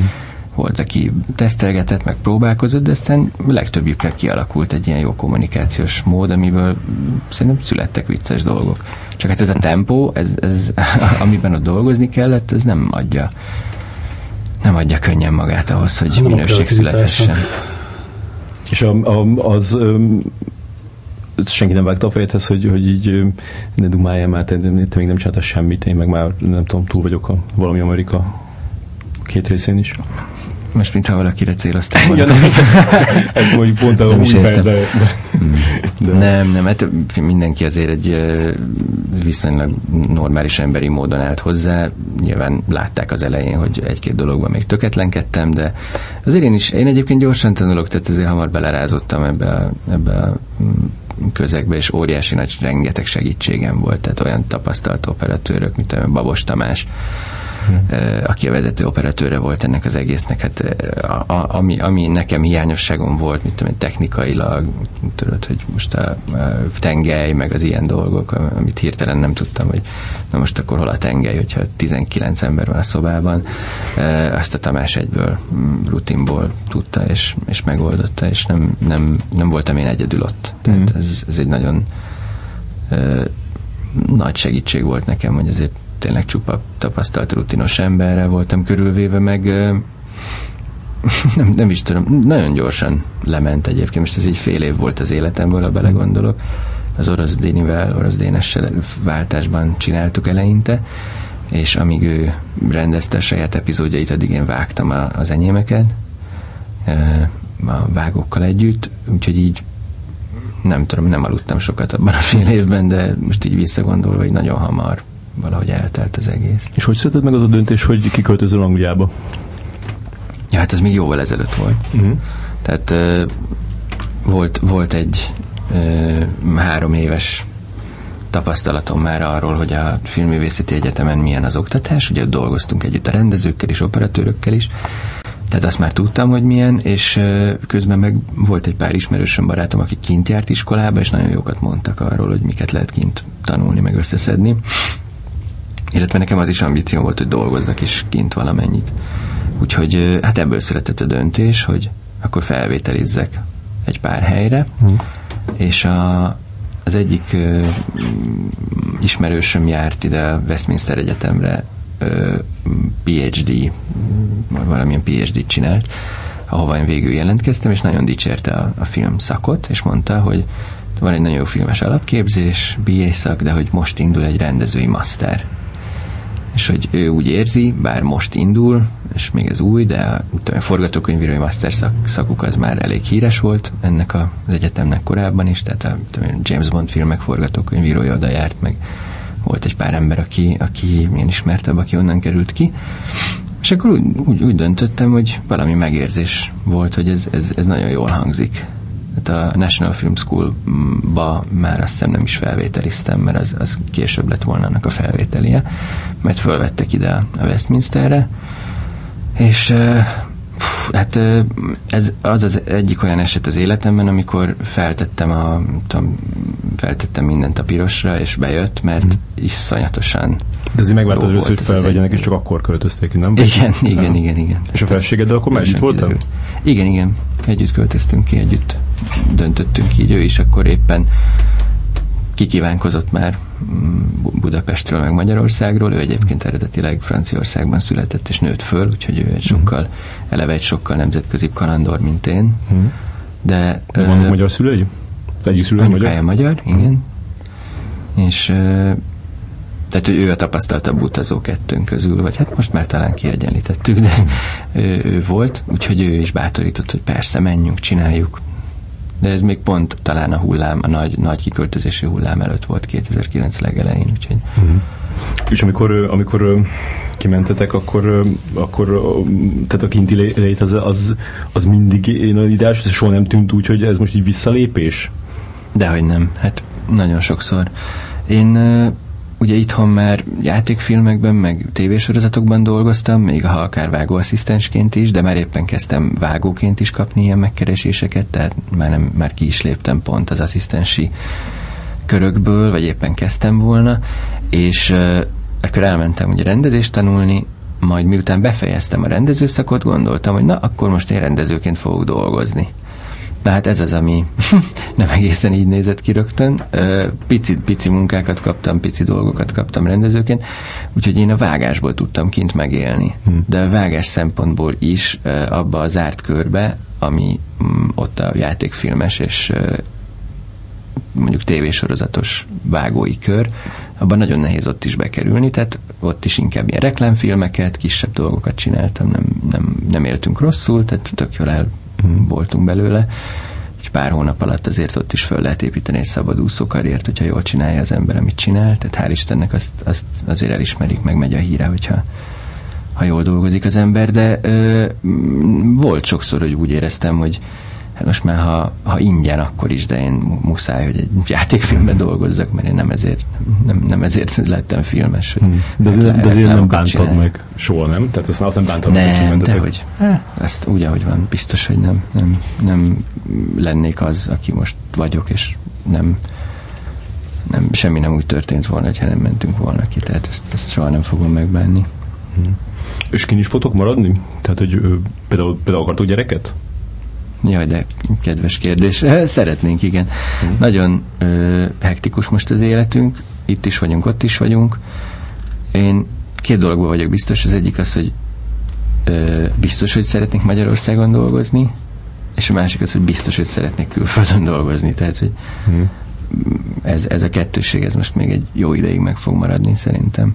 Az ideális eset a fejemben az, ami nagyon szuper lenne, de ezt most inkább le is kopogom, hogy nehogy elriasszam a jó szerencsét, az az lenne, hogyha mondjuk egy külföldi vagy egy nemzetközi produkcióval tudnánk visszajönni Magyarországra forgatni. Hmm. Mert ezért itt nagyon jó ö, körülmények vannak, nagyon jó stábtagok vannak, olcsóban lehet dolgozni, mint kint, nem véletlenül jönnek ide tucat száma külföldi produkciók, úgyhogy tervezem azt is, hogy ezért próbálok, próbálok ide csábítani majd olyan produkciót, aminek esetleg talán lehetek én is a rendezője vagy producere. Hmm. És a Brexit az nem, érintette, nem érintett titeket negatívan?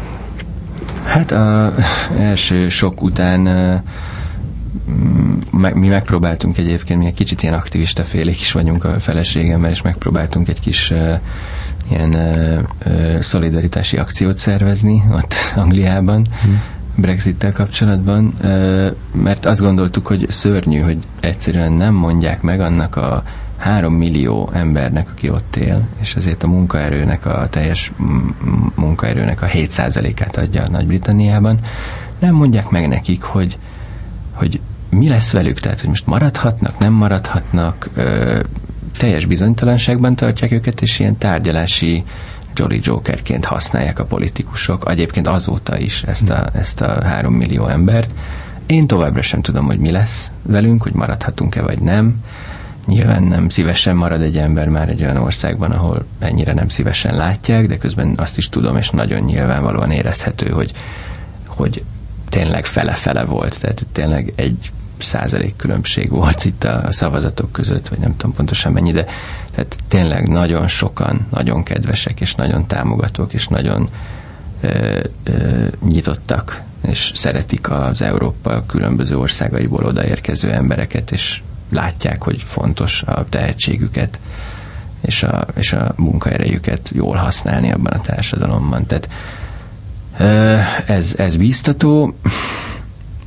De nem, nem akarok jósolni. Hogy... Hát most már biztos szinte, hogy lesz Brexit, tehát hmm. az már, az már az már lekerült ugye a tárgyalóasztalról, hogy esetleg ezt visszacsinálják. Uh-huh. Úgyhogy most már az a kérdés, hogy mit fognak, mit fognak majd Brexitnek nevezni. Hmm. De azon gondolkoztak, hogy esetleg másik országba átmenni? Másik nyugat-európai országban? Hát ezért most már lassan 7 év alatt uh, elég jól megismertük a, vagy több, mint, több mint 7 év alatt elég jól megismertük a brit kultúrát, tehát hmm. én most már azt gondolom, hogy tudok érvényes dolgokat mondani, például rendezőként, vagy, vagy ha írok valamit arról, hogy ott mi van, meg hogy ott mondjuk milyen, milyen bevándorlónak lenni, milyen ott magyarnak lenni, vagy akár lengyelnek lenni, mert nagyon sok lengyel barátom is van ott. Hmm. Az, az, hogyha most hirtelen mm, Brazíliába, Fülöp-szigetekre, Ausztráliába, vagy nem tudom, Észak-Oroszországba kéne költözni, és ott folytatni, akkor azt hiszem, hogy kevesebb... Amsterdamra gondoltam, vagy valami közelebb. Amsterdam? Az, az is jó hely. figyelj, van egy nyelvi korlát. Ja. Én a, amióta, nagyon szégyellem, de amióta angolul sokat beszélek, azóta a németem és a spanyolom az teljesen elkopott, és nagyon nehéz lenne arra a szintre fölhozni valószínűleg, hogy például dolgozni tudjak.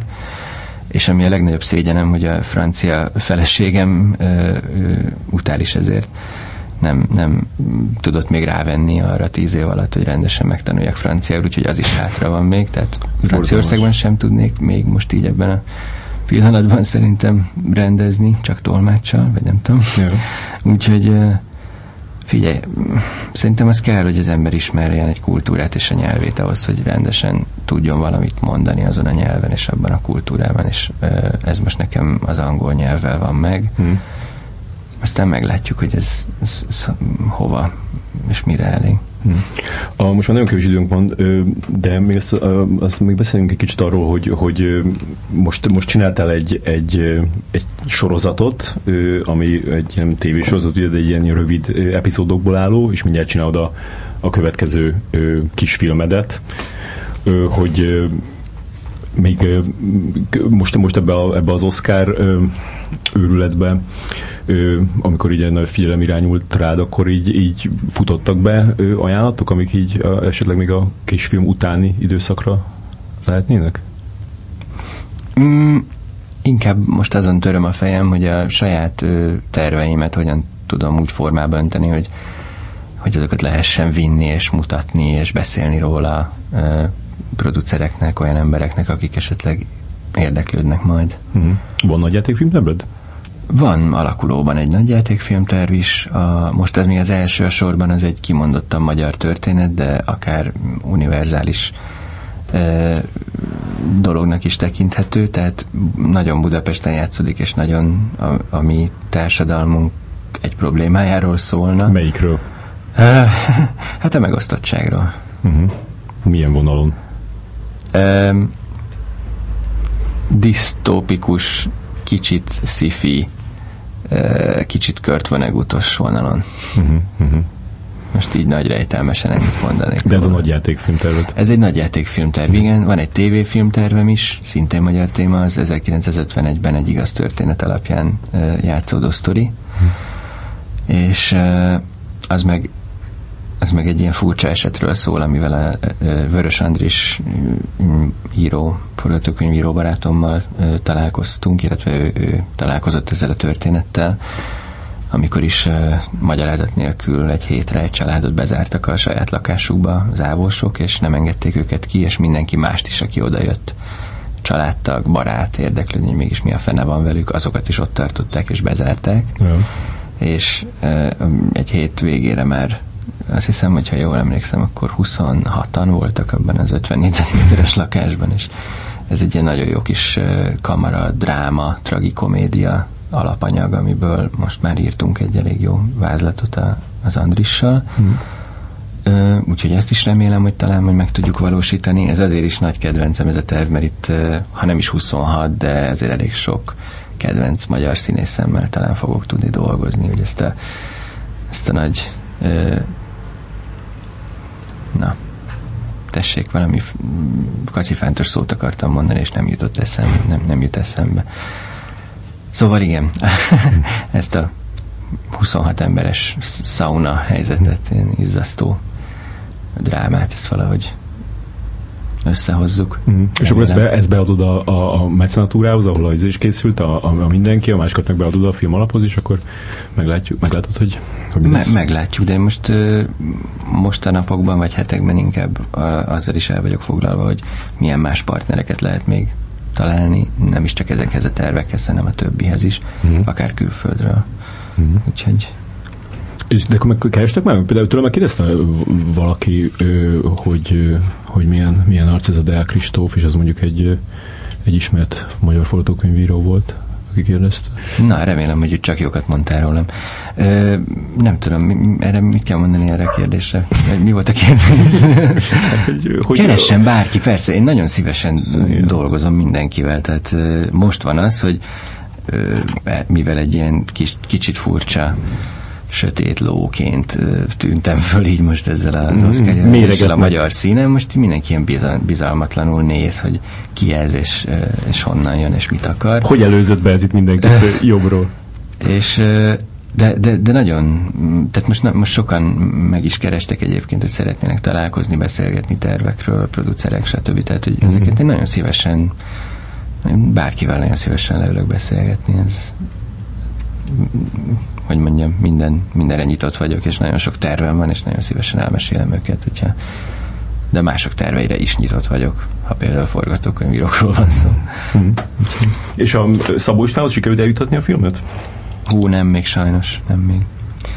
Ez még a listámon van. Hmm. A, most a héten ö, ö, azt már említettem, hogy, hogy interjúztam a, a két ö, lányjal, aki a főszerepeket játsza a filmben, hogy, hogy ott például beültünk egy helyre, és így rögtön felismerte a, a, a, izé, a, a pincérnő, és, minden, és gratulált, hogy neked is most, most ez megy, ez az életed, nekem, hogy mindenki felismer? Nekem, nekem megvan ez a helyzet élőnyöm, hogy nincs ott az arcom a filmben, úgyhogy... Ja, de még ez, azt mondták, hogy, hogy szerint, szerintük a legtöbb ember nem látta a filmet, csak mindig látta őket a tévében, és mikor te is ja. a tévében. Hm. Én annyit szerintem azért nem megyek a tévébe, nincs is időm, mert most nagyon sok teendő volt ezzel a Los Angeles-i kiutazással kapcsolatban, és nagyon sok, mind, sok, sok felkéréssel is le kellett mondanom emiatt, illetve hát mostantól meg aztán pláne a külföldi megkeresésekre kell fókuszálni, hiszen azok a kampányba is beleszámíthatnak. Yeah. Úgyhogy nagyon sok magyar újságírótól ezúttal is elnézést kérek, hogy azt kellett mondanom, hogy nem érek rá, de márciusban ígérem, hogy rá fogok érni, hogyha még akkor is érdekes leszek. És uh, tényleg uh, Szóval, szóval próbál, próbálok nem én lenni az előtérben, a csodálatos színészeink, tehát a Szamosi Zsófi, a Gáspár Felvi Dorka, a Hais Dorka, legyenek a, a homloktérben, meg, meg hát sokan csinálták ezt a filmet, tehát a, a Csillagmanót is, mint vágót, Balázs Ádámot, a zeneszerzőt szoktam küldeni, ilyenkor magam helyett delegálni, a Mali Robit, az operatőrt, úgyhogy igen. ja, úgy, úgy érzem, hogy valahogy átugrottunk egy kérdést a jövőbeni projektekkel kapcsolatban. Hát a, a, a, a sorozat, amit most forgattunk, arra még nem is mondtam Hát a is átugrottad elég a gyereket. Mindent. Hát jó, azt majd megbeszéljük a feleségemmel, de mindenképpen tervem van. Az, hogy melyik országban fog majd születni, azt majd meglátjuk. De igen. De azt a, igen, azt a, a, a, a kicsit mondhatnál a, arról, a, arról a sorozatról, amit már leforgattál, meg arról a rövidfilmről, amit most fogsz. Igen, igen. Szóval a sorozat az a Paramount csatorna megbízásából készül, ilyen kis két-három perces részekből fog ez állni. Ez külföldön már kicsit divatosabb formátum, például a Bref című francia sorozat volt ilyen, ami nagyon népszerű volt Franciaországban, mm. ami egy nagy példaképünk, és fekete humorról van szó, nagyon pörgős lesz, nagyon gyors, és eléggé ö, kegyetlenül jó humora van, egy írócsapattal együtt írtuk, ö, arról szól maga a sorozat, hogy van egy Géza nevű ember, aki kómában van, és ő a főszereplő, és végig ott fekszik egy ágyban, egy kórházi ágyban, egy kórteremben, csak senki nem tudja róla, hogy ő mindent lát és hal maga körül, és cinikusan kommentálja is az eseményeket, ez, ez adja a sorozatnak a narrációját. Aha. És ki a Géza? Benyögései. Gézát uh, eredetileg úgy terveztem, hogy mint a Stig a, a Top Gear-ben, hogy eltitkoljuk, hogy, hogy őt valójában kijátsza, mert ugye teljesen tetőtől talpig be van fáslizva, tehát nem Aha. nagyon látjuk az arcát de mm, inkább elárulom, hogy a Cafetás Roland alakítja őt, Aha. akinek egy fantasztikus orgánuma van, és benne megvan ez a csípős irónia, és közben barátságos melegség a hangjában, ami, amit én kerestem. Úgyhogy nagyon... És be is, tehát amikor ott mutatjátok a filmbe, akkor ő fekszik ott, vagy, vagy az egy, vagy egy Hát ez a zseniális, hogy mi, mi azt gondoltuk, hogy majd oda befektetünk egy dublört. Aha. És amikor ezt közöltem volna a Rolanddal, azt mondta, hogy nem, az ki van zárva.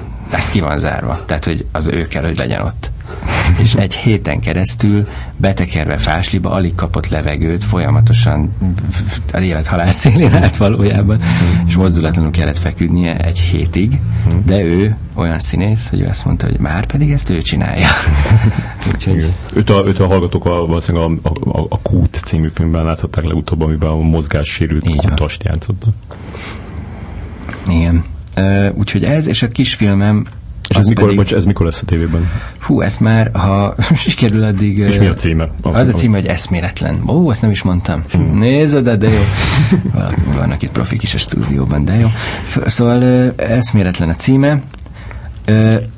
Most nem akarok butaságot mondani, de azt hiszem, hogy február 23-án fog lemenni az első epizód. Tényleg ilyen hamar? Igen, most uh, erre az Oscar uh, dologra akarták ráültetni a kampányát, úgyhogy megkértek engem, hogy valahogyan lapátoljunk össze három epizódot belőle, hmm. így az indításhoz. Én meg azt mondtam, hogy igen, de nem tudom miért. nem fogok aludni semmit, de majd valahogy összerakjuk. De alakul szépen, és nagyon, nagyon izgalmas az anyag, úgyhogy a ö, bizarr és különös mi volt a ellenére, vagy éppen azért ö, beigazolódni látszik, hogy hogy ez egy, ez egy nagyon... De ez egy koncepció, tehát hogy ott van a csávó, ő, halljuk, amit gondol, és akkor ott meg mindenki az őrület történik. Bunkózik vele. Úgyhogy uh, aztán a következő ki, kisfilmem, az meg szintén már nagyon előre haladott állapotban van. Kaptunk rá támogatást, és a, a, a, a mesterséges intelligencia és egy átlag ember találkozásáról szól, így szoktam mondani. Boncasztal? Hát ö, egy boncasztal nincs benne. Van egy ilyen ö, furcsa ö, rendszer, ami kamerákat kell figyelniük a térfigyelő munkatársaknak, és jelölgetniük kell mindenféle dolgokat. Ők ezt nagyon élvezik, sőt, ilyen játékszerűen fogják föl míg nem az egyik nap az Áron nevű térfigyelő munkatárs rájön, hogy igazából ők egy mesterséges intelligenciát tanítanak be arra, hogy majd átvegye a munkájukat, és majd jobban csinálja, mint ők. És ez azért, azért tetszett nagyon meg nekem a, a, az alapötlet, mert nem nagyon van olyan sci most már egyre több kezd felbukkani itt-ott, de nem nagyon van olyan sci ahol nem antropomorfizált, öntudattal rendelkező mesterséges intelligenciák szerepelnének, tehát mindenhol mindig a Skynet meg akar enni minket, meg el akar pusztítani, vagy mint a, a Spike Jones filmjében el akar csábítani, de olyan nem nagyon volt még, hogy a, ami a valóság, hogy tényleg benne van a telefonunkban, befejezi a mondatainkat SMS írás közben, bekereb, megtalálja az arcokat a Facebookon, vagy a fényképező. Ez mind mesterséges intelligencia, az összes Google találat.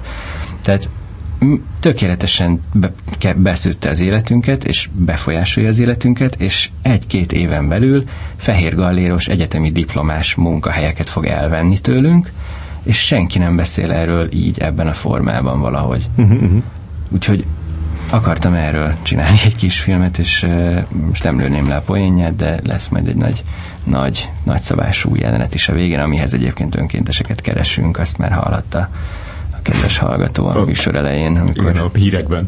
Igen, amikor bemondtuk, úgyhogy ez, ez a következő. E, ebből egyébként akár még egy nagy játékfilm formájában kibontható valami is lehet, nem pont ezzel a sztorival, de annyit kutattam, kerestem ötleteket és dolgokat ehhez a filmhez, hogy már, már egy másfél nagy játékfilmnyi ötlet összejött így a, a, a kutatásból, tehát van, van ezzel mit csinálni, ezt még most pontosan nem tudom, hogy ezt majd hogy és mikor fogom tudni megformálni, de eléggé időszerű a, a téma, úgyhogy hmm. ha jól sikerül a kisfilm, akkor lehet, hogy ez például ellentétben a mindenkivel, amiből sajnos nem tudunk folytatást csinálni, vagy, vagy kibővített változatot, ebből lehet, hogy még azt is lehet majd. Uh-huh. De mindenkiből azért nem tudtok, mert már fölnőttek a lányok?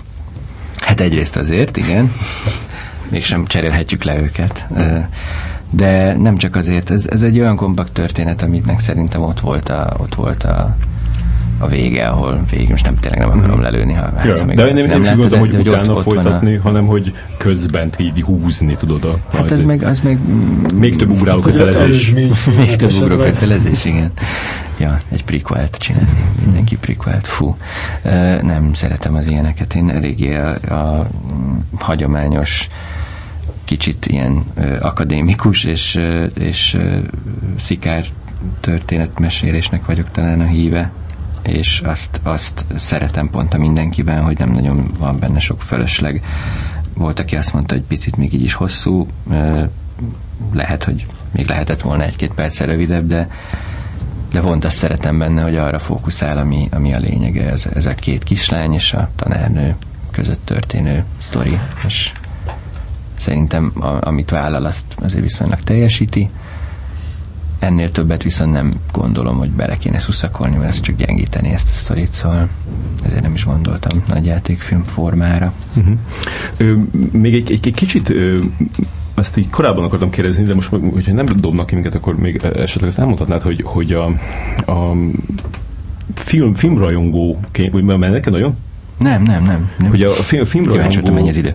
filmrajongó ö, ságodnak ö, mik voltak az állomásai? Tehát, hogy a, a, a, mit tudom, melyik, melyik, melyik moziba jártál, melyik TK-ba jártál, milyen újságot olvastál, amikor így kialakult benned ez a... Aha.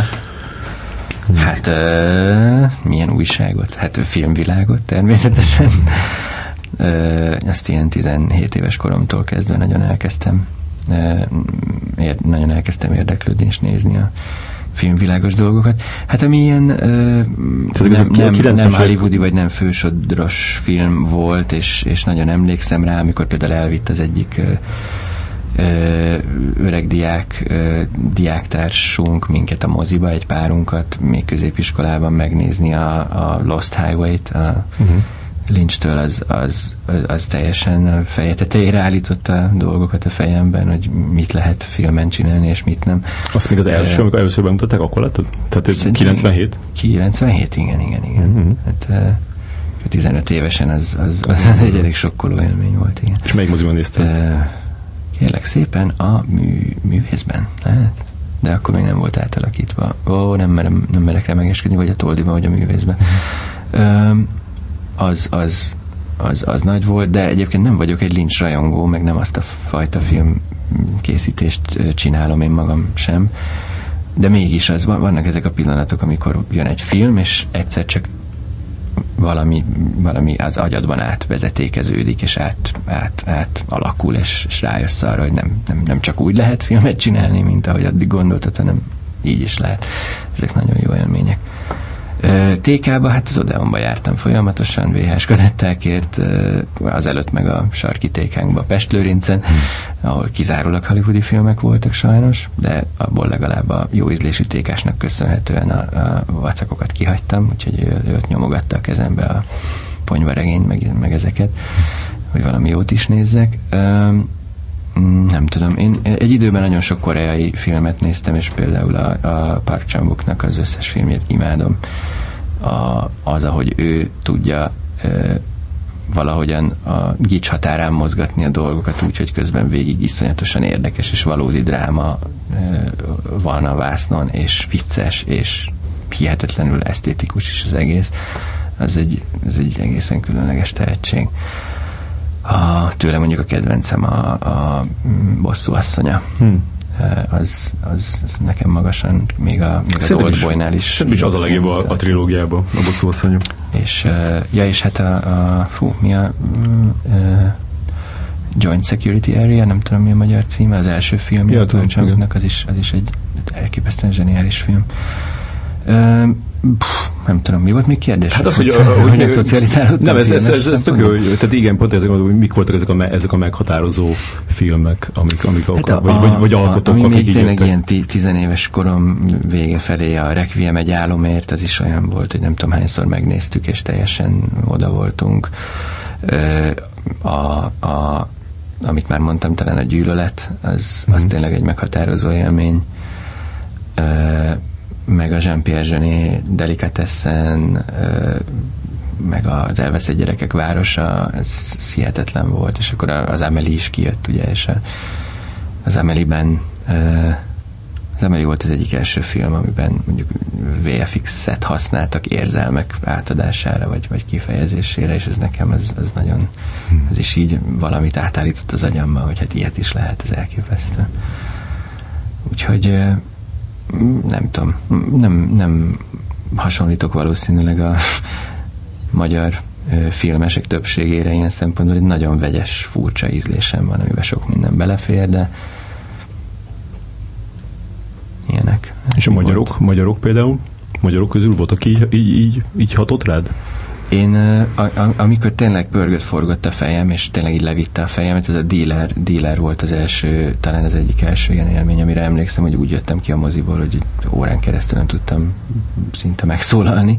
A, a Flieghoff Bence féle dealernek az első verziója, ami, amit a filmszemlénben mutattak, és utána átvágták, és én azt nem is láttam az átvágott változatot utána. Mm.